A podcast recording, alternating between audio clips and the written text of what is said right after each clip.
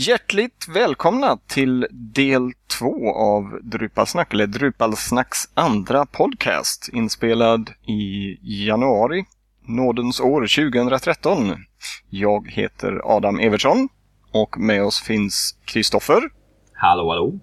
Och Fredrik. Hejsan på er. Kristoffer, var sitter du någonstans? Jag sitter i Norrland, 15 grader minus i Örnsköldsvik. Se där, härligt, härligt. Och Fredrik, du sitter inte i Norrland den här gången? Nej, jag transporterar mig till Japan. Här är det väl plus två och rätt mycket snö just nu. Själv sitter jag i Göteborg, eller strax utanför Göteborg. Här ligger det inte en snöflinga.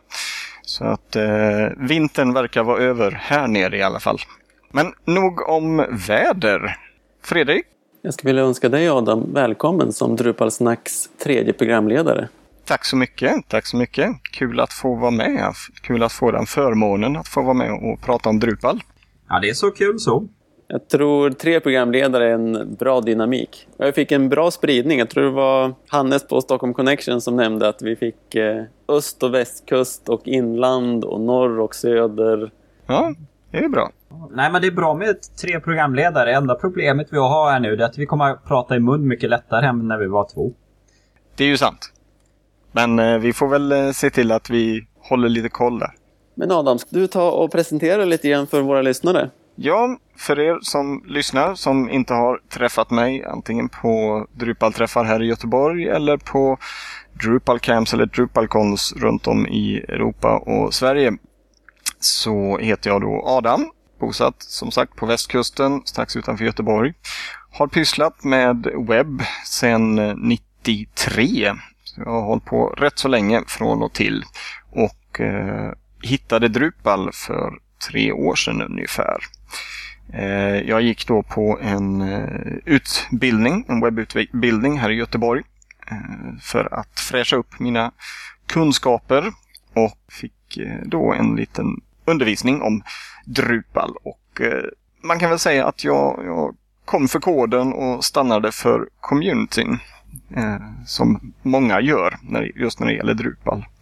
Eh, jag blev lite förälskad i, i communityn och allt det som är runt Drupal. Eh, och det är mycket därför som jag eh, har ett, en aktiv del i communityn här i Göteborg, eller försöker ha en aktiv del. Ska jag säga. Ja, dels har jag hållit i eh, en Drupal Camp som vi hade i eh, Göteborg här förra våren och eh, tillsammans med ett gäng andra goa gubbar och tjejer ifrån Göteborg. Eh, men jag har också försökt dra lite i olika Drupal-träffar här. Jobbar till vardags på Kodamera, en webbyrå i Göteborg. Där jag basar för förvaltningsdelen när det gäller allt ifrån support till lanseringar till små uppföljningsutvecklingspuckar till utvärderingar och statistik och Google Analytics och allt sånt. Så det är ett rätt så brett fält jag sitter med. Och eh, eftersom vi använder Drupal till 99,9 procent av våra webbprojekt så är det ju Drupal som, som jag jobbar med på dagarna. Och när jag väl kommer hemifrån jobbet då sitter jag med mina, mina egna sajter och sitter och förkovrar mig i Drupal det är väl ungefär det om, om mig. Jag såg du hade en handfull eh, Drupalwebbplatser du skötte. Eh, ja, jag har, eh, i och med att jag har hängt med så länge på, på nätet så har jag haft en, en tjog webbplatser som har uppstått och eh, lagts ner och några har hängt med ett längre tag och nu på sistone här så håller jag på och migrerar in dem på Drupal. Eh, dels för att eh, lära mig mer om, om, eh, om Drupal, få lösa olika scenarion på, på egen hand, man ska säga, för mina egna webbplatser. Så det är bra, bra träning. Sen är det mycket redaktionellt innehåll också naturligtvis. Så att det blir mycket, det blir mycket WYSIWYG och det blir mycket dölja det ena för den tredje och workflow och workbench till höger och vänster. Så att det är väldigt intressant. Jag måste se, säga det, när jag tittade där om din presentation som du la upp på hemsidan också så skrev du det att du har ju drivit, eller du driver ju Skrattnet och vad heter den andra där? Alla talar svenska. Det som är lite kul att Skrattnet, den sidan var jag in på och följde ganska mycket för typ tio år sedan. Och sen så ser man ju att jaha, ja där ser man världen är liten. Ja, precis. Har man precis. kommit i kontakt med skaparen utav den också. Ja, den, eh, den skapades ju redan 1996. Så att han är ju nästan, om, om några år där så är han 20 år gammal. Ja, men som sagt det är himla kul att ha det här Adam. Mm. Tackar, tackar. Och, eh, nästa punkt vi tänkte prata om var hur det gick med avsnitt ett. Där kanske du kan fortsätta och ge lite feedback Adam. Du tyckte i alla fall att det var nog okej för att vilja vara med. Ja, precis. Nej, jag tyckte det var, det var um, jättekul att, att det drogs igång ett sånt här projekt. Um, så fort jag kom in på sidan och läste att ni sökte en, en tredje programledare så skickade jag in det till er. Jag har lyssnat på avsnittet ett par gånger och eh, jag tycker det var otroligt intressant. Eh, framförallt att höra Eh, vilka moduler ni använder och varför ni använder dem och, och vad ni har haft för erfarenheter av dem. Det ska vi gå in på sen lite senare i avsnittet där jag ska få dra mina eh, tio moduler som jag kan rekommendera eller prata om. Så. Ja, det verkar vara någonting som eh, verkligen är uppskattat i Drupal-sammanhang, det är att prata om moduler. Eh, jag har fått, den feedback vi har fått är just att, precis som du säger Adam, många som tyckte det var väldigt roligt att höra, eller få tips på vilka moduler som är bra på vad. Ja, precis. Och det är väl så att det finns otroligt många Drupal-moduler idag. Och att bygga en bra Drupal-webbplats handlar väldigt mycket om att samla ihop rätt hög med moduler. Ja, precis. Vilka moduler som är bättre, även om de ger någorlunda samma resultat. Varför ska man välja den ena eller varför ska man välja den andra? Det är otroligt intressant tycker jag. Och det är ju fler än vi som tycker det. Lullabot eh, på andra sidan Atlanten, de har ju sin Module Monday. Som, det är väl Jeff Eaton som håller i den tror jag. Oftast där det kommer, där de tipsar om nya, nya moduler. Det är ju alltid intressant att se vad de har lyft fram för moduler. Nu senast var det väl Backup Migrate tror jag som de skrev lite om. En modul som för övrigt ligger med på min lista. Men det måste vi också säga då när vi är inne på Lollabat eh, och hur vårt avsnitt gick. De eh, har ju... Eh, Lollabot har ju tre stycken olika podcasts som de håller igång. En eh, för Drupalize Me som är ju för community och vad händer och moduler och programmeringsinriktat lite grann. Sen så har de Insert Content Here som är mer eh, administrering utav Drupal-sajter men de tar även in folk från andra ställen och sedan så har de The Creative Process som handlar om det mer det kreativa jobbet i att göra hemsidor. Men då i Drupalize Me-podcasten som Lullabot har då nämnde de faktiskt vår podcast. Se där! Trevligt. Vi ska se vilket avsnitt det var. Men eh, det är ju det att Edison Berry hon eh, sitter ju i, eh, i Danmark. Visst är det hon som sitter där? Jag måste... Mm. Ja. Köpenhamn. Hon eh, hade läst om det hela för vi gjorde ju en eh, postning där på Drupal Planet om det hela. Så att hon hade ju snappat upp det hela och tittat på det hela så att de eh, nämnde oss och tyckte det var ett kul initiativ. Ja, härligt. Ja, Hon eh, retweetade om Drupal-snack också såg jag på Twitter. Alltså det var ju deras podcast 8 på Drupalize Me. Nej men hon tyckte det var ganska gulligt med svenska och att man eh, kunde luta sig tillbaka och föreställa sig The Swedish Chef från Mupparna. Bork, bork, bork. Tycker jag var jättekul att se att vi har fått lite respons där och sedan annat respons jag såg också. Det jag la upp en e-postregel i min mail som sa att allting som handlar om Drupal-snack ska komma i en viss katalog för att vi har ju lite olika arbetsverktyg som mailar ut när vi gör olika saker och sånt. Och då hamnade ett mail snett tyckte jag, tills jag insåg att de hade ju skrivit om oss. Och det var The Weekly Drop. Det är ju en maillista som man kan eh, hänga på. Och de mailar ut en gång i veckan en huvudnyhet och lite rubriker på andra nyheter och sedan så följer de med lite Drupal 8, lite event. Så det är ett ganska kort mail men det är rubriker på vad som händer i Drupal och då har de ett, en sektion som heter Podcasts. Och där hade de nämnt vårat avsnitt. Och sen hade vi även fått med lite information om vad det var för någonting men att det var lite kul att där når vi också massor med lyssnare. Härligt. Tittar man på nedladdningsstatistiken så verkar vi ju ha några lyssnare i alla fall. Åtminstone så har filen laddats ner minst 100 gånger. Det är lite svårt att tolka statistik. Ja, ja det vi kunde ju se att jag 109 gånger har hela filen laddats ner. Medans eh, partial content, bara delar utav det hela, det har ju kommit ner 1700 gånger. Men det verkar ju vara varje gång någon person går in och tittar på filen så då mediaspelaren laddar ju in eh, metataggar och lite sånt. Och då laddar han ju ner början utav filen. Men det är väldigt olika för olika webbläsare tror jag. Jag experimenterade lite grann med det där men det var Vissa webbläsare verkar, även fast vi har sagt att ingenting ska laddas ner i HTML5 audiotaggen, så vissa webb, webbläsare verkar strunta i det och kör sitt eget race. Men eh, ja, när vi höll på med det där så hittade vi ju en liten eh, bugg i, eh, vad heter den? G-player använder vi. Så att eh, man kunde ju ställa in om den skulle ladda ner hela eller inte. Så att eh, vi gjorde ju en patch, jag och Fredrik, som är testad och så, men vi har inte fått något svar. Så att jag undrar om G-player har mycket nu som händer. Så redan har vi i Drupal Snack börjat ge tillbaka till communityt i alla fall. Det är rätt. Känner du för att dra din eh, modullista Adam? Eller har vi, har vi någonting mer vi vill prata om förra avsnittet? Vi kan väl nämna att vi har 32 följare på Drupalsnacks Twitterkonton eller på vår Twitter-närvaro. Det hade ju varit trevligt om, om det var fler där ute i vårt avlånga land som följde oss. Ni som lyssnar på detta kan ju twittra någonting om, eh, om att vi finns på Twitter och att fler följer oss där. Min modullista. Ni hade ju eh, fördelen att vara först ut där förra veckan, eh, eller förra, i förra avsnittet. Och ni tog ju många utav av de här klockrena modulerna eh, som jag gärna hade haft med på min lista. Så att, eh, och för att inte upprepa det så, så har jag ju fått gräva lite djupare. Men jag har hittat eh, jag hittade ett gäng eh, och jag valde ut tio utav dem. Tio som jag tycker är antingen roliga, bra att ha eller helt oumbärliga.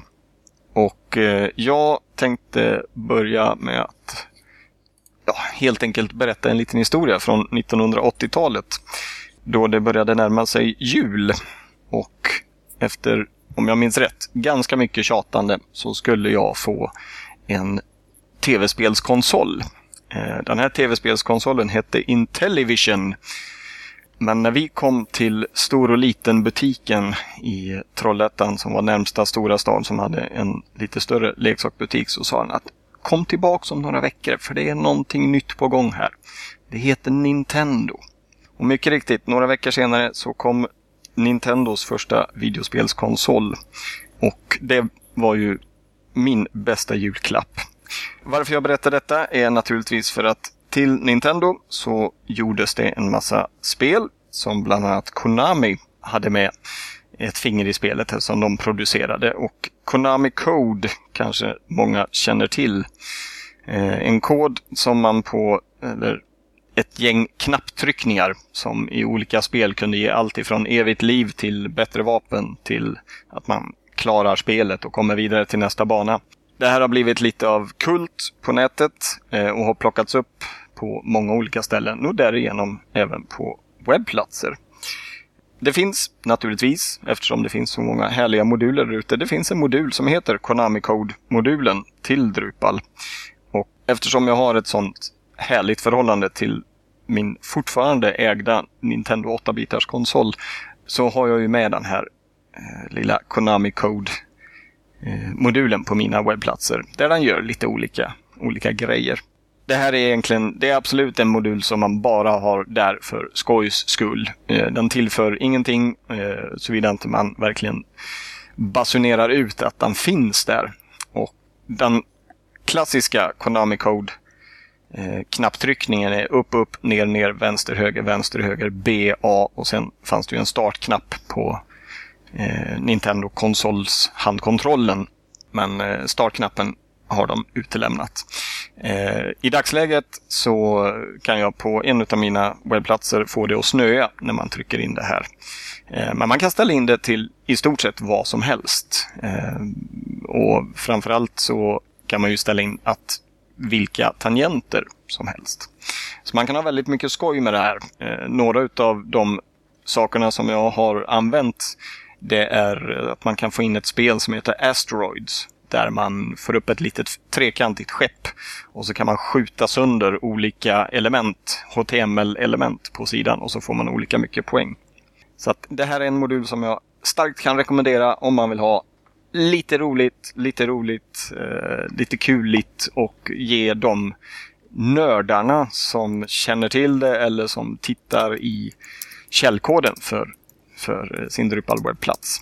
Ge dem en litet, lite påskägg eller vad man ska kalla det. Men då måste vi ju få veta vilken sida ska vi gå in på här nu för att testa det här nu då?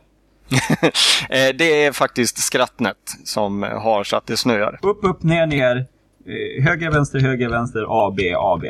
Nej, upp, upp, ner, ner, vänster, höger, vänster, höger, BA. Då ska, ska det hoppa igång. Ja, det gör det ju!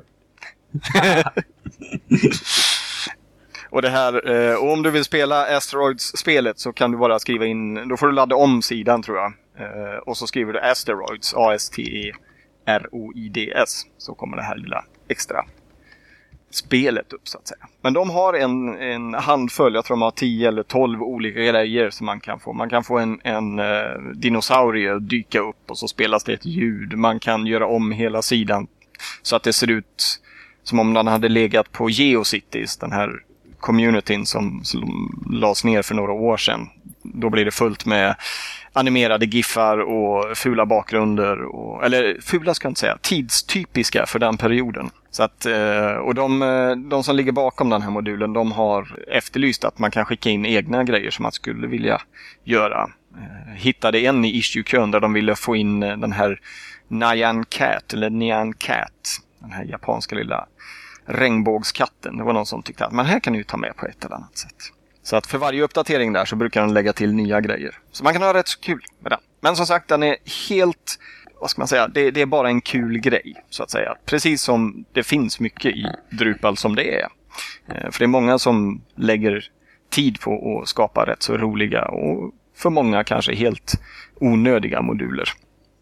Det var min nummer 10. Min modul nummer 9 är desto mer användbar, speciellt om man sitter och utvecklar Eh, sina egna webbplatser eller för den delen eh, om man sitter på ett företag och, och utvecklar webbplatser och någon gång har råkat ändra någonting på live-sajten när man egentligen bara i fliken intill i sin webbläsare hade den lokala eh, utvecklingskopian av webbplatsen och så beroende på vad man gjorde så kan det vara mer, mer eller mindre katastrofalt. Eh, det är en modul som heter Environment Indicator. Eh, den lägger helt enkelt till en eh, färgad rad längst till vänster i webbläsarfönstret. Där det från början står Development Server rakt uppifrån och ner. Man kan välja att skriva vad som helst. Man kan skriva utvecklings kopia, utvecklingsserver. Man kan, från början är det en röd rand som visar att nu är du på din utvecklingskopia. Eh, men det, det, går att ställa in. Det, eh, man behöver göra lite inställningar i settings POP. Eh, så att det är inget man bara kan klicka igång och aktivera. Men den har hjälpt mig rätt så många gånger när man har många flikar uppe och man sitter och utvecklar mot live-servern och samtidigt håller sin dev igång så att säga. Environment Indicator, mycket bra. Eh, har nog hjälpt både en och annan från att eh, göra misstag. Nästa modul heter Rabbit Hole. Den är faktiskt gjord av en Malmöbaserad byrå tror jag, Odd Hill. Jag tror den finns i Malmö i alla fall. Det här är en modul som tar hand om eh, nodtyper som man inte som man kanske skapar för ett visst ändamål. Till exempel en, eh, Eh, en slideshow. Eh, eller du har bilder som du ska kunna ha längst upp på sidorna som bara är en illustrerande bild. Men som ändå är en egen nottyp.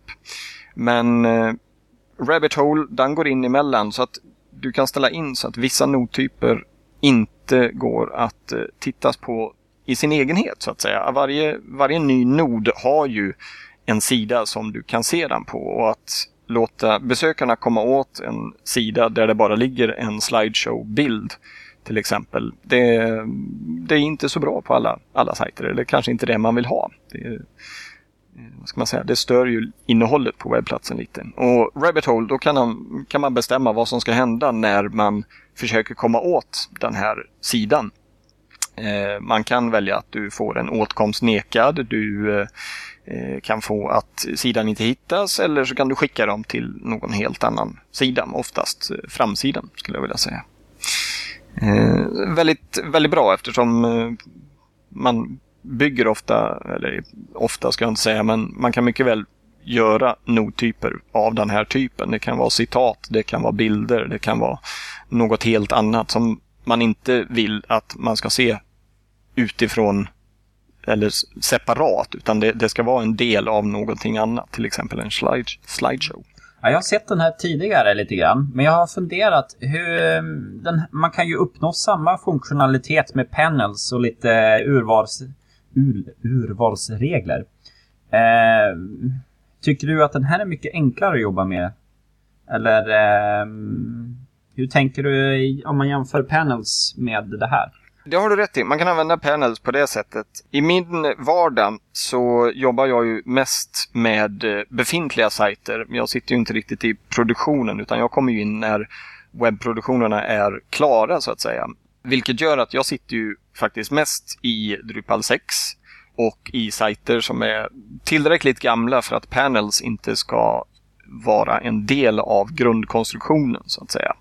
Vilket också gör att Rabbit Hole platsar in rätt så bra när man upptäcker att oj, titta, här har du faktiskt slideshow-bilder som vem som helst kan se. Nej, men då slänger vi in den här istället. Just utifrån att Visst, hade, hade man byggt en, en ny sajt idag, då hade man kunnat använda panels för, för det ändamålet. Men eh, Rabbit Hole, den använder jag på mina privata eh, sajter, på en del utav dem. Eh, och även på, även eh, på kunders sajter. Men eh, som du säger där, att den, använder man panels på lite nyare, då kan man ju ta med det i sitt tankesätt redan från början. Men jag tycker att den fyller ett eh, den fyller klart sin funktionalitet. Ja, panels är ju inte det enklaste att jobba med så att eh, det här är, någon, det är en bra modul. Nästa modul är egentligen en modul som inte gör så mycket eller tillför någon funktionalitet eh, förutom att man får koll på läget. Det är en modul som heter SEO Checklist. Eh, Sökmotoroptimering, eh, väldigt inne för några år sedan. Kanske på grund av olika Google-uppdateringar blir mindre och mindre viktigt. Men det är fortfarande nödvändigt att hålla koll på det och se till så att man ta fram tillräckligt mycket information för att sökmotorerna ska tycka om det som finns på sidorna. Och då finns eh, den här modulen SEO Checklist som är rakt upp vad det är eller vad titeln är. Det är en checklista där den tittar vad har du för moduler installerade? Vad har du, hur har du lagt upp dem? Vad kan du använda för att du ska få en bättre placering på sökmotorerna eller i sökmotorerna. Eh, och det är en bra startplatta att utgå ifrån tycker jag. Eh, för då ser man exakt att ah ja, här har vi ju Page Title-modulen eller här har vi eh, Nodewords-modulen installerad. Bra, då, har, då är den avklarad. Liksom. Ja, sen har vi 20 grejer till som vi kan använda för att vår Drupal-konfiguration ska bli ännu mer sökmotorvänlig. Eh, jag använder den på alla mina privata eh, och eh, vi har tittat lite närmare på den även i, eh, på Kodamera där jag jobbar. Eh, för att kunna erbjuda och göra våra dels befintliga installationer bättre men även framtida framförallt. Så den kan jag rekommendera. Har en bra tips rakt igenom tycker du? Ja, både ja och nej. Det är en bra startplatta. Sen är det klart att man inte, man behöver ju ha lite koll själv på sökmotoroptimering. Eh, och jag tror en av punkterna är att man ska köpa någon bok från eh, företaget som har sponsrat den här modulen. Jag vet väl inte riktigt hur mycket det är för sökmotoroptimering men men jag tycker det, det ger en bra start, startgrund i alla fall för att se så att man har de här mest nödvändiga modulerna. Nästa modul är en modul som jobbar tillsammans med eh, Image Cache. Den heter Smart Crop och jobbar så att eh, den tittar på, man använder den helt enkelt för att beskära sina bilder eh, via Image Cache när man då tar fram in Image Cache versioner av originalbilderna som man laddar upp. Eh, och den här försöker titta på, på engelska så heter det entropy, men kan väl näst, nästan översätta det med att man, den försöker, systemet försöker lista ut vad bilden har mest vikt, informationsvikt i bilden och så beskär den utifrån det. Till exempel är det en bild med väldigt mycket eh, himmel medan det längst ner i vänstra hörnet sitter en snubbe i en solstol. Då skulle den antagligen försöka beskära kring den här snubben i solstolen istället för att beskära kanske uppifrån 10 pixlar som man kan ställa in eh, image cache på. Jag använder den själv på mina sajter och eh, väldigt godkänt resultat. Ibland blir det väldigt snett. För det är ju ändå en dator som ganska enkelt försöker räkna ut vad det är. Men eh, det funkar, kan man säga. Det funkar. Det är en helt automatisk lösning. Det är det. Eh, och det finns, eh, det finns mer avancerade moduler såg jag när jag tittade på den idag. Till exempel så är det någon, någon som har föreslagit att, att Smart Crop ska ha ansiktsigenkänning och eh, hade länkar till lite andra projekt. Och då, då hittade jag ett, ett nytt projekt som hade just det. Och det hade ju varit perfekt om man på en bild alltid beskär utifrån ansiktet på en person. Det, hade ju, det är ju klockrent. Men eh, de skrev där redan på modulsidan att den är rätt så ny, eh, den är rätt så stor och lite buggig. Och den är inte sådär jättesmart, men den, och den kräver mycket resurser så att den pingar ut rätt så ofta, eller tajmar ut. Så att de jobbar på det. Det, det här det kommer nog fler och fler eh, beskärningsmoduler som kan automatiseringen ännu bättre. Men den här Smart Crop, den är stabil och tar inte en massa prestanda? Den är, ligger i beta faktiskt, både för sexan och sjuan. Men eh, jag har använt den sedan över ett år tillbaka och är väldigt nöjd med resultatet. Eh, den är snabb. Eh, jag har inga siffror som, som jag kan backa upp det med, men jag tycker absolut inte att den segar ner. Utan den, den är lika snabb som, som vanliga beskärningsmodulen i Image Cache. Just med att beskära bilder. Det går att göra på olika sätt. Och larsolsen.dk, det är en sån hemsida, en sån bloggar där. Han har gjort en sammanställning av de här olika mm, crop-modulerna som finns, eller beskärningsmoduler. Det är en bloggpost som är ganska intressant. Han nämner upp just Smart Crop, att den är just automatisk. Den croppar för alla olika storlekar du vill ha. Sen finns det ju eh, olika JavaScript-lösningar där man ska välja och sen finns det en annan som jag tycker är väldigt intressant. Den heter point crop.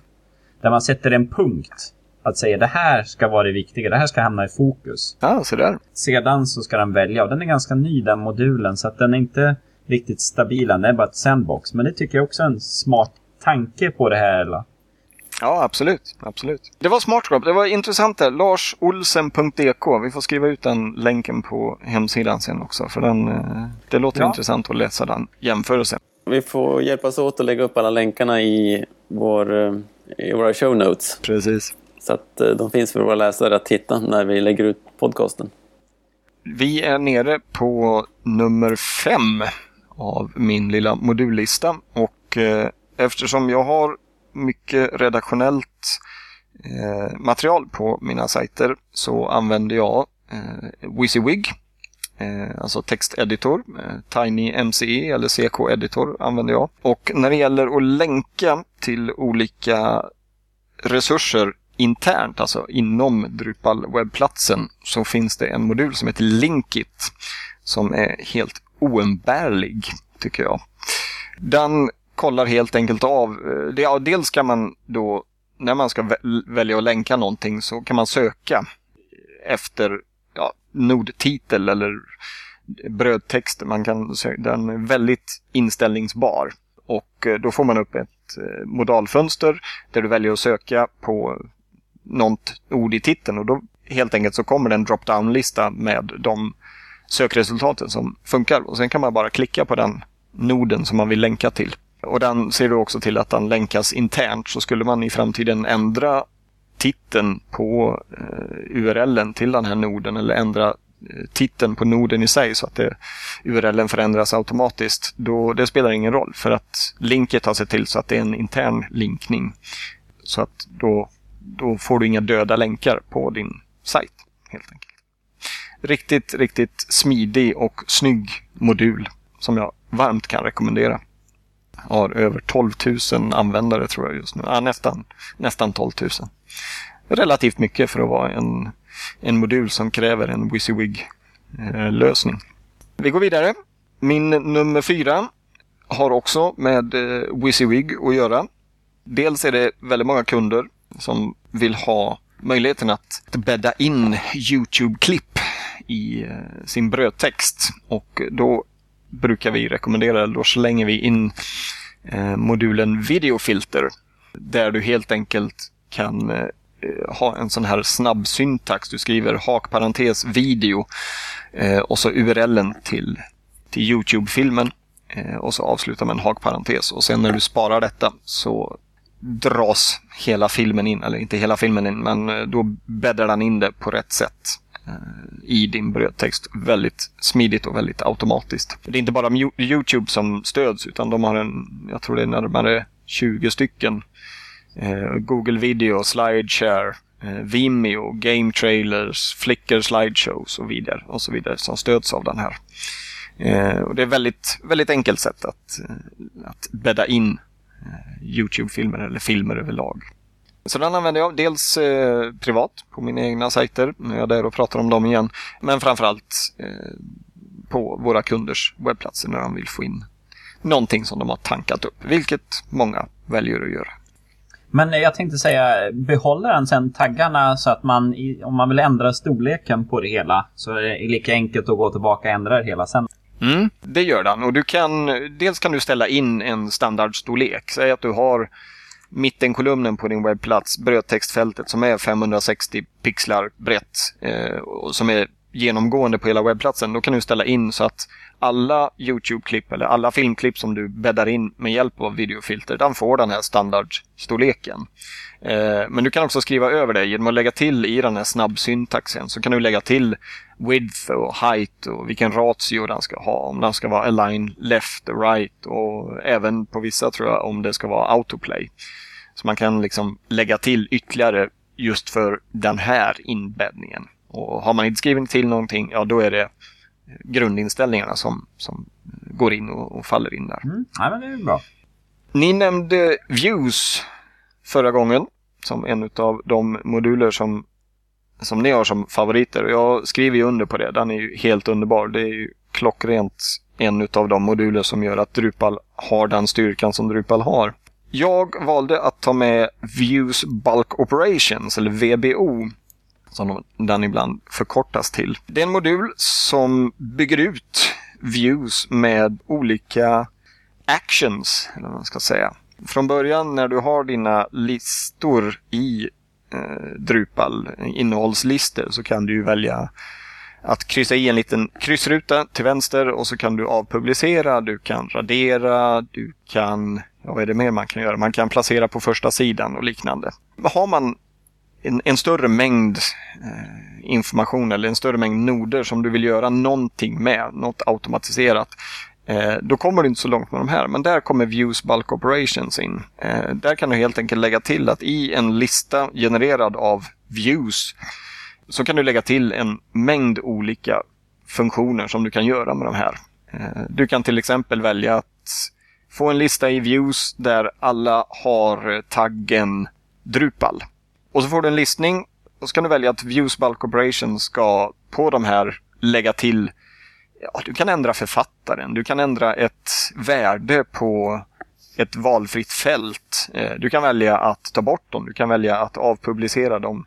Du kan, det, det finns en, en otrolig mängd olika grejer som du kan göra med hjälp av de här. Alltså man tillför eh, Eh, en, en, större mängd funktionalitet.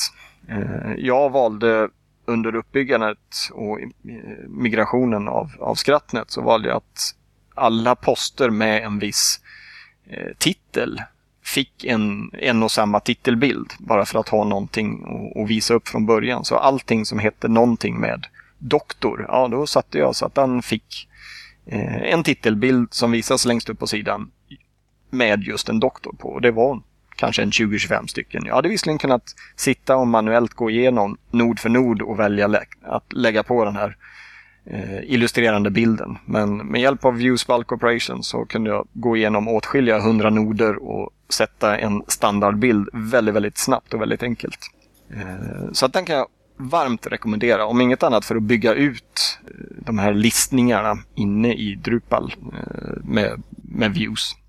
Jag vet inte om det var någon utav er som nämnde administration views förra, förra gången. Var det någon som hade den på sin, sin lista? Nej, den missade vi. Den var nog med på min lista lite längre ner. Eh, administration views, för de som inte känner till den. Eh, den byter ut innehållslistningen, användarlistningen och taxonomilistningen med en vy istället.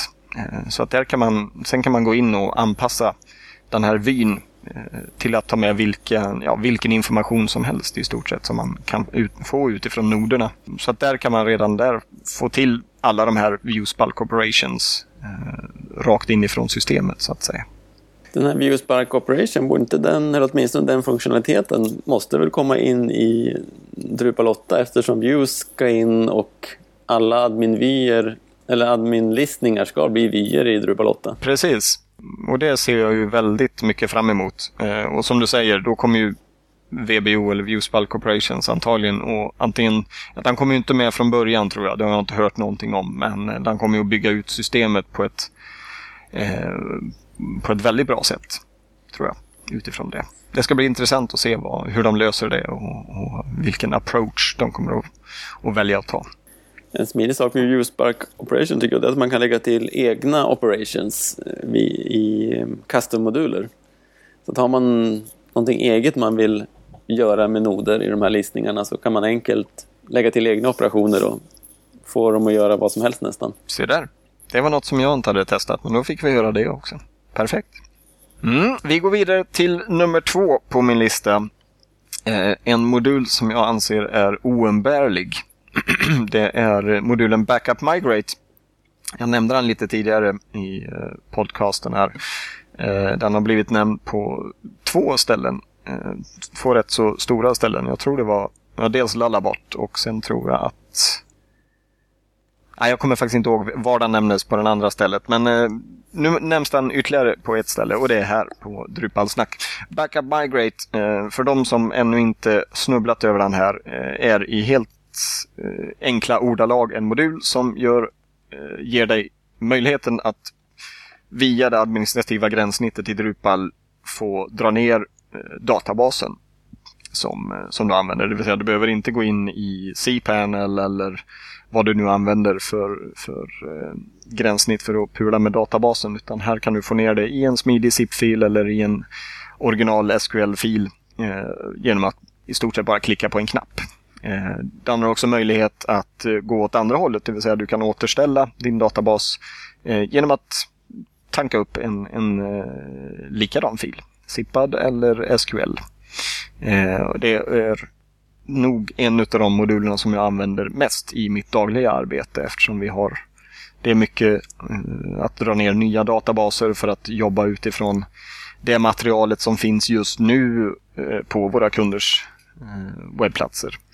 Väldigt smidig, väldigt enkel men Ja, den har väl också fördelen att när du ska tanka ner en backup av databasen så ser den till att den inte tar ner cache-tabellen och watchdog och sånt som egentligen inte är viktigt för återställningen.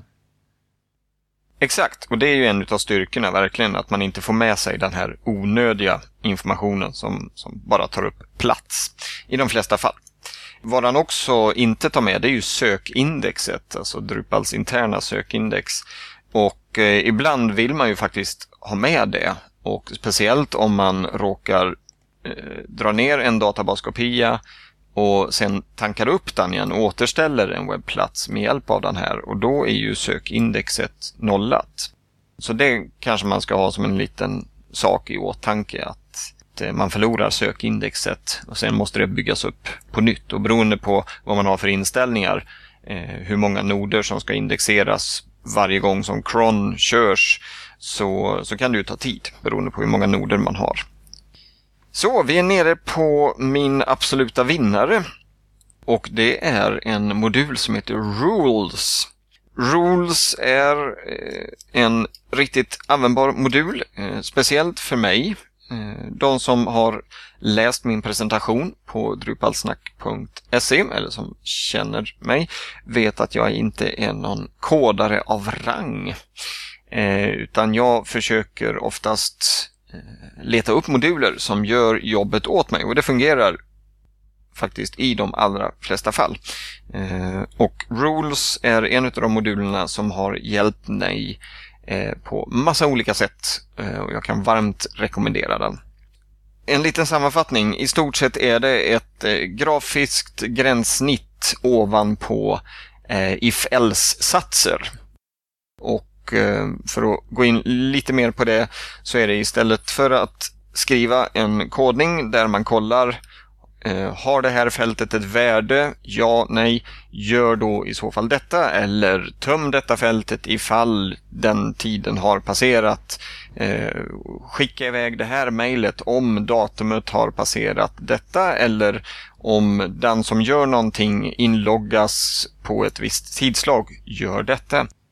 Som sagt, ett sätt att få saker att hända utan att behöva knacka kod ett exempel som är taget eh, från alla mina sajter och när jag har löst eh, kunders eh, önskningar det är ju att man helt enkelt skickar mail när någon postar ett inlägg, när någon loggar in från en viss IP-adress. Posta grejer till Facebook kan man lösa med rules också. Det är en väldigt populär modul. Jag tror den har ja, närmare 126 eller strax över 126 000 användningar. Och eh, i och med att det är en sån populär modul så är det ju naturligtvis många andra moduler som bygger ut rules. Eh, den som jag spontant kan komma på det är Mime Mail, alltså som gör att du kan skicka HTML-mail med hjälp av, eller via rules kan man säga. Så att eh, det finns många och det finns en hel drös med moduler som bygger ut rules på det här kända Drupal-maneret. Ja, nej, det jag tycker det är, Rules är en väldigt bra modul och Commerce använder den ju också väldigt mycket så att eh, ja, det är en modul som vi har, eh, eller som har mycket styrka i sig. Vill man lära sig Rules ordentligt så kan vi återigen, precis som vi gjorde i avsnitt nummer ett, rekommendera Johan Falks screencasts. Han har en lång serie även om rules. Han är en riktig rules-fantast. Så vill man sätta sig in i hur man verkligen använder rules så är eh, hans screencast eh, ställe nummer ett man ska gå och lära sig. Det var min lista, mina tio favvismoduler. Eh, en liten snabb repetition då. Eh, nerifrån och upp eller bakifrån till fram. Eh, Konami Code-modulen, nummer 10 där. Nummer 9. Environment Indicator. Nummer 8. Rabbit Hole. Nummer 7. SEO Checklist. Nummer 6. Smart Crop. Nummer 5. Linkit. Nummer 4. Video Filter. Nummer 3. Views Bulk Operations. Nummer 2. Backup Migrate. Och nummer 1 är Rules. Vi kommer att lägga upp eh, länkningar till de olika modulsidorna sen på drupasnack.se så att där kan ni få lite snabba länkar. Ja, då går vi vidare. Tyvärr hade vi inte fått in några frågor eh, som vi skulle besvara. Om, så folk verkar ju kunna allt om sina Drupal-sajter. Så att eh, vi går vidare med lite annat. Men har du några funderingar om hur du ska lösa eller vad jag ska ta vägen eller vad jag borde göra och så. Så skicka dem gärna till oss så besvarar vi dem gärna. Ni kan skicka in frågor antingen till vår e-postadress info drupalsnack.se eller via Twitter. Och på Twitter heter vi Drupalsnack. Ja, har ju lite så här saker som har hänt de här två veckorna i eh, Drupal-världen. Jag eh, följer eh, Drupal Planet, den här RSS-flödet som finns på drupal.org med egentligen olika ja, bloggposter som folk skriver och eh, händer och så. Så att det är väldigt intressant för att det känns som att man kan lyssna på vad som är igång eller vad som händer. Och då var det lite olika länkar som eh, dök upp för mig som jag tänkte vi kunde prata lite grann. Den första var här det var Dries gjorde en bloggpost här nyligen. Där han skriver om att eh, eh From Aloha to CK Editor. Och det hela handlar om att eh, i Drupal 8 så har man ju tänkt att man kör Aloha Editor istället för en vanlig vysebygg. Och att eh, man ska ha en eh, en så här in-place editor så att det, när du ändrar så är det du behöver inte gå till en annan sida för att editera innehållet utan du editerar det precis där det syns. Och att CSS följer med precis som det ska vara så att det är en äkta eh, what you see, what you get editor. Men man har ju tagit det beslutet att man skulle köra Aloha och man har ju jobbat med dem. Men nu har det visat sig att CK Editor har kommit med en ny version. Och den nya versionen stödjer precis det här som Aloha stödjer. Och man har diskuterat hur man ska göra och man har kommit fram till att CK Editor, man ska gå tillbaka till den. Man, eh, man slänger ut Aloha. Eh, man tackar så mycket för eh, det de har gjort. Lite jobbigt kan jag tycka det känns för Aloha. Men man tog ju beslutet att CK Editor har blivit så pass mycket bättre med den nya funktionen och det är en mycket mer mogen editor. Man har ett större community bakom sig. Man har mycket mer funktionalitet som redan finns och det är en redan testad eh, editor som eh, är stabil. Så att eh, därför så slängde man ut den hela. Vad tycker ni om det hela då? Eh, har ni läst det hela tidigare och funderat på det hela eller? Ja, det, det, kan inte ha varit lätt för Dries att göra det här eh, beslutet i alla fall. Eller det kanske var lätt när han insåg hur, hur mycket bättre som CK Editor hade blivit. Eh, men det kan ju inte ha varit kul att prata med dem eller med det gänget bakom Aloha och säga ja men tack för all tid som ni har lagt ner det senaste halvåret, året. Men eh, nej, vi väljer någon annan. Som man skriver här att, att det är ju så mycket fördelar med det här systemet med CK Editor som har då som du säger ett, ett större community och den har hängt med sedan åtskilliga år tillbaks och eh, erbjuder så mycket mer jämfört med med Aloha Editorn som visserligen är lovande men som inte är lika beprövad och gammal. Jag tror att det, det, gagnar, det gagnar Drupal framför allt. Ja, man såg ju att Aloha saknade ju mycket av den här mediabiten som egentligen är ganska viktig att få med. Som CK Editor har jobbat mycket med. Mm. Sen så kanske inte alltid jättesnyggt men det, man har i alla fall börjat med det arbetet på ett helt annat sätt. Ja, precis. Nästa sak som jag såg och läste om det var bloggpost som eh, eh, ja, Jashed, Y-C-H-E-D skrev. Eh, där det handlar om att eh, Drupal 7 eh, är på gång att få en eh, performance improvement, en förbättring. Eh, och det är sådana saker fastnar jag för. Jag är en sån eh, optimeringsfreak så att jag tycker det är bra när allting blir bättre och man kan se statistik och allt sånt. Men det hela handlar om att man har gjort lite förbättringar i minnesanvändningar för fält när de ska laddas in. Och eh, det man söker nu det är folk som kan testa den här uh, patchen som ska fixa till det hela. Så att, för det är ganska mycket man, eller det kan slå ganska fel för det är en eh, grundkomponent man optimerar i. Så därför vill man vara säker på att allting fungerar. Men eh, i deras enkla tester så ser de att eh, minnesanvändningen sjunker från ja, mellan 25 till 60 procent för standardsidor. Och CPUn är mellan 50 och 22 procent eh, snabbare. Eller att det är mindre belastning. Och eh, det är ganska mycket på ett sätt. Eh, eh, det är inte att sidan blir tio gånger snabbare, men i långa loppet så gör det här ändå väldigt mycket. Och ja, det tycker jag är väldigt kul. Det är en väldigt intressant patch. Den här, det är ju kachén för, för alla fälten, för de har ju samlat ihop all fältinformation och lagt dem i en enda cache. Och ändrar man någonting så måste man bygga om hela cachen för alla fälten. Plus att man måste bära med sig den här hela tiden fast man kanske inte håller på med alla fält hela tiden. Och att man ska dela upp den här och göra den per entity type eller per, per bundle.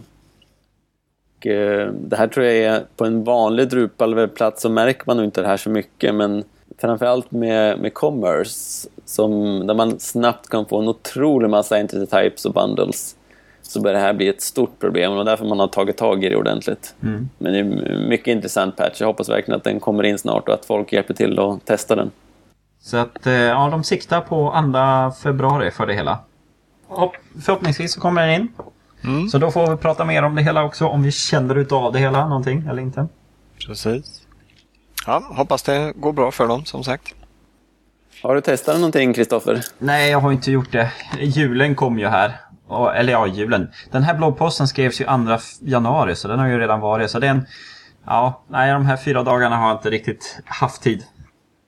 Nej, måndag eh, har jag tänkt sätta mig igång och testa på den här om jag inte har några kunder som skriker. Ja. Det, har ju, det har ju varit mellan, vad heter det? Det har ju varit eh, klämdagar. Vi som, vi som har barn kanske inte har haft barnen på dagis eller något sådant. Nej, ja, mitt barn eh, drabbades av en rejäl feber så att eh, det tog all energi från mig. Se där. Ja, då är det klart att då sätter man sig inte och, och testar en patch på Drupal på det sättet. Och apropå barn så hade du någon annan eh, bloggpost du hade hittat. Ja, så medan man försöker eh, hjälpa till att söva ner sitt febriga barn så läste jag en bloggpost som heter How to do Drupal without ditching your kids. Det är en kille, eh, Chris Chatuk, som har skrivit en ganska lång bloggpost. Men där han eh, reflekterar över sitt eh, liv som eh, eh Drupal-utvecklare. Dels har han varit eh, anställd men också eh, frilansare och jobbar som konsultuppdrag och sedan jobbar han nu med att utveckla en Drupal-produkt. Och eh, ja, men just då skriver att eh, såhär, livet är ju fullt. Han har en ganska rolig bild där från början där eh, det är ett sånt eh, pajgraf. Eh, där, eh, eller ett där massor med saker ska försöka klämmas in men allting blir ju mer än 100% så att det får inte plats riktigt. Ehm, Nej men han tar upp så här saker som att eh, eh, ibland så, man måste ju prioritera familjen men att vara bara med familjen kan eh, i vissa fall inte, det kanske inte alltid blir gott. Man måste också få andas lite grann själv och kunna få göra egna, egna nöjen. Och man, eh, så här, både ens familj och ens eh, Drupalintresse kommer hela tiden skrika efter mer och mer och mer. Drupal kommer, det kommer alltid finnas mer att lära dig inom Drupal. Eh, och ens barn kommer ju alltid också vilja ha mer av ens uppmärksamhet. Men samtidigt så, eh, även om man är med barnen hela tiden eller om man är inte med dem fullt hela tiden så kommer de ändå klara sin vardag. Det är inte att de kommer gå under. Så att man måste som hitta den här relationen mellan arbete och familj. Och han ja, pratar om lite grann om den biten och att eh, eh att tänka igenom det hela. Så att det var eh, så här, lite så här, man fick reflektera över sitt eget liv och mycket stämde överens. Jag tycker det var intressant att läsa. Och att kunna också se att tiden man spenderar med sitt barn, det är inte någon plåga att ha vad har jag ställt till med nu då, varför skaffar jag barn? Eh, all min fritid försvann, utan man gör ju det för att man vill ju ändå ha barn. Det ger ju ändå ett, en glädje i livet och att också ta, ta tillvara och se sina barn som en underhållare. Att eh, se hur lustiga de kan vara. Att om de kladdar ner hela bordet med mat. Så att eh, skratta åt det hela och bli inte sur över att du måste lägga en 15 minuter på att eh, städa upp det hela. Um, så att den bloggposten kan jag rekommendera att läsa. Um, det är ju ja, såhär, um, ja, lite så livsläsning. Mm. Skriver han någonting, jag har själv inte läst den, jag ska göra det sen, men skriver han någonting hur man hanterar när de målar en vit vägg med kriter eller tar köttfärssåsen och använder som grundfärg? Um, nej. Det och, och det kontra till Drupal? Nej. Det enda han har skrivit är en titel här att Put on the oxygen mask on yourself first. Så att um, man måste vara en bra människa för uh, man måste kunna må bra själv för att kunna vara bra hos andra. Precis, för att kunna ta hand om, om de som är beroende av en. Det är ju sanna ord, verkligen. Ja. Absolut. Ja, det ska bli kul att läsa. Eh, mm. Länken lägger vi upp naturligtvis på drupalsnack.se. Eh, nästa kanske jag kan ta ja. och prata om. Eh, det var mitt tips. Eh, en sida, eller ett projekt som jag snubblade över i veckan Eh, det är en tävling faktiskt som heter Module Off. Eh, det ligger på moduleoff.com. Eh, det är en sida, eller en tävling, där du helt enkelt ska koda en Drupal-modul och skicka in. Och i första tävlingen nu så har man chans att vinna en Nexus 7 surfplatta med 32 gigs minne. Eh, det är ett eh, företag, om jag har läst rätt här, så är det ett företag som heter Merlin Education som ligger bakom den här eh, idén. Där du då helt enkelt ska knacka din Drupal-modul och skicka in för att förhoppningsvis vinna. Det, de har precis dragit igång och i skrivandes stund, eller när vi spelar in detta, så är det fyra dagar kvar tills, tills den här tävlingen blir klar. Men eh, de, det kommer säkerligen att köras fler tävlingar här. Dels kanske Merlin Education kan gå in och sponsra fler vinster men de, eh, de skriver även ut på sidan att eh, någon annan kan vara med och bli nästa sponsor. Så att förhoppningsvis så fortsätter det här projektet och det är ju inte, inte helt fel att få en, en morot för att kunna börja koda moduler till Drupal. Och i det här fallet då så är det ju en rätt rejäl morot i form av en surfplatta. Så eh, för er som kodar eller för er som vill börja koda och behöver en morot så kolla in moduleoff.com. Ja, jag eh, tog och läste lite grann här. De verkar ju ha ganska specifikt de här olika tävlingarna vad modulerna ska göra. Så att det inte är bara skriva en random-modul som ska bli bäst i världen utan här har du det att man ska göra add a link to every article node that updates a date field to today using Ajax. Ah, så där. Det så hade att... jag missat att det var en, en, ett mål, ett, ett, ett specifikt mål. Ja. Men det är ju bra också, oavsett. Och eh, ja, och sen eh, så kan du gå tillbaka och se vad som har varit tidigare. Men det här är ju första tävlingen här nu så att man har fyra dagar på sig här nu göra en sån här modul och det finns fem redan inskickade så att en utav fem kommer att vinna här nu så att det är ju ganska stor chans att vinna en Nexus 7. Precis, precis. Får vi se vad nästa blir sen. Ja. Sen eh, läste jag också, det var lite olika bloggposter här nu på Planet, på Drupal Planet. Där de har handlat om att eh, skicka mail, dels inom commerce men också i övriga fall. Och det, det handlar om att ehm, eh, alla Drupal-sajter de skickar mail när du registrerar dig, när du köper en produkt och det ena och det andra. Vilket innebär att din webbserver måste ju kunna skicka mail. Och mail fungerar ju som så att antingen så ställer du upp att din mailserver går via någon annans mailserver eller så får du se till så att du tar kontakt med alla användare själv så att du kontaktar deras mailserver. Och det är ofta så man gör att Ja, ja, har jag en eh, användare som har en Gmail-adress då tar jag kontakt med Google och säger det här mejlet ska skickas till den här användaren. Och det här fungerar oftast men eh, Googles spamfilter tycker ju att sådana här nu har jag kanske 20 användare eh, som ska få ett mail från den här sajten från en eh, hemmabyggd mailserver som eh, kanske har flera versioner gammal postfix och lite sånt så att den kanske lägger dig i spamfoldern och då kommer inte dina mail fram. Och då finns det moduler i Drupal som kan hjälpa till med det hela. Och en som har varit nu på tapeterna det är en, eh, en tjänst som he, går via Mandrill. Det är samma eh, sådana mailutskickare som Mailchimp använder. Troligtvis så, eh, vad jag har läst någonstans, så är det ju samma bolag som har två tjänster. Dels Mailchimp och sedan Mandrill. Och då kan du sätta upp din Drupal-sajt så att alla dina mail som ska skickas ut ska gå via Mandrills servrar. Så Mandrill skickar dina mail åt dig.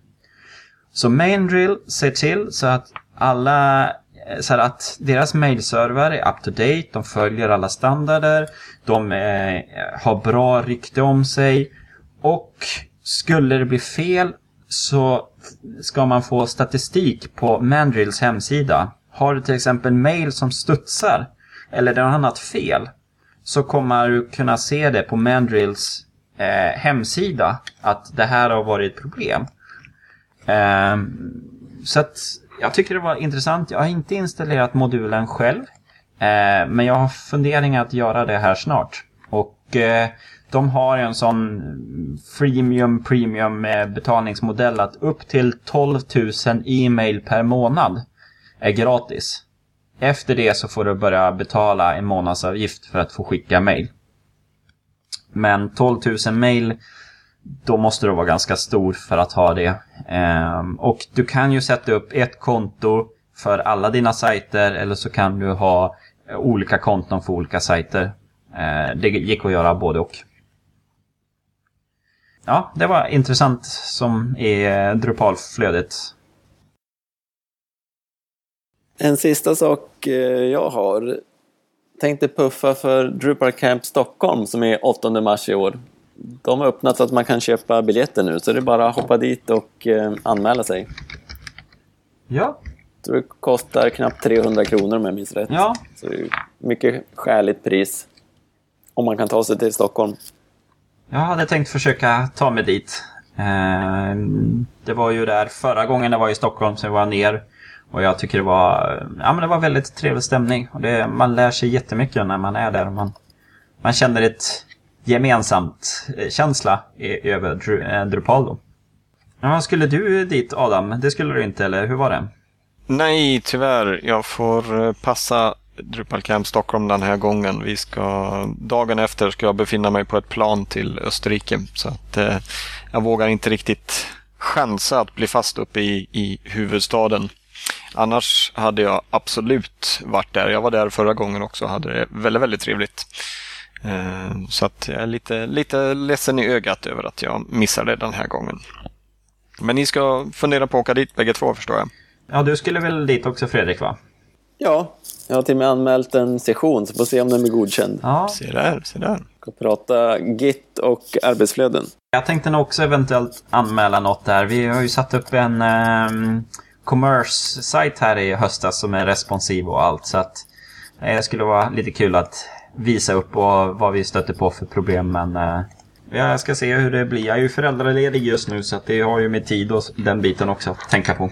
Just commerce tror jag har ett ganska stort intresse. För det är en ganska ny modul och e-handel är ju det är många som är intresserade av. Det ska vi prata om här i någon framtida Drupal Snack-avsnitt också. Om eh, gå igenom commerce ordentligt. Vi har så mycket att prata om. Det kommer aldrig ta slut. Nej, precis.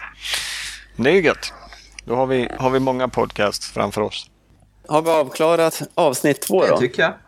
Ja men det var jättekul eh, det här. Och eh, kul det här Adam att ha det med i gänget här nu. Det känns Ja. gott att ha ett tredje jul. Tack för att jag får vara med. Det var jättekul att vara med och göra sin första podcast. Hoppas det blir fler framöver här. Vad ska vi prata om i nästa program då? Ja vi kanske ska ta basteman där. Mm. Prata om det. Vi funderar ju på att ta det här gången men eh, vi hade ju så mycket annat att prata om så att... Zen vs Omega. Ja, precis. Det låter som någon eh, obskyr japansk eh, tv-serie eller? De som lyssnar på avsnitt tre får höra. Då får jag tacka så mycket för den här gången. Ha det så bra, så hörs vi i avsnitt eh, nummer tre om kanske ungefär två veckor. Ha det gott! Ha det! Tackar för oss.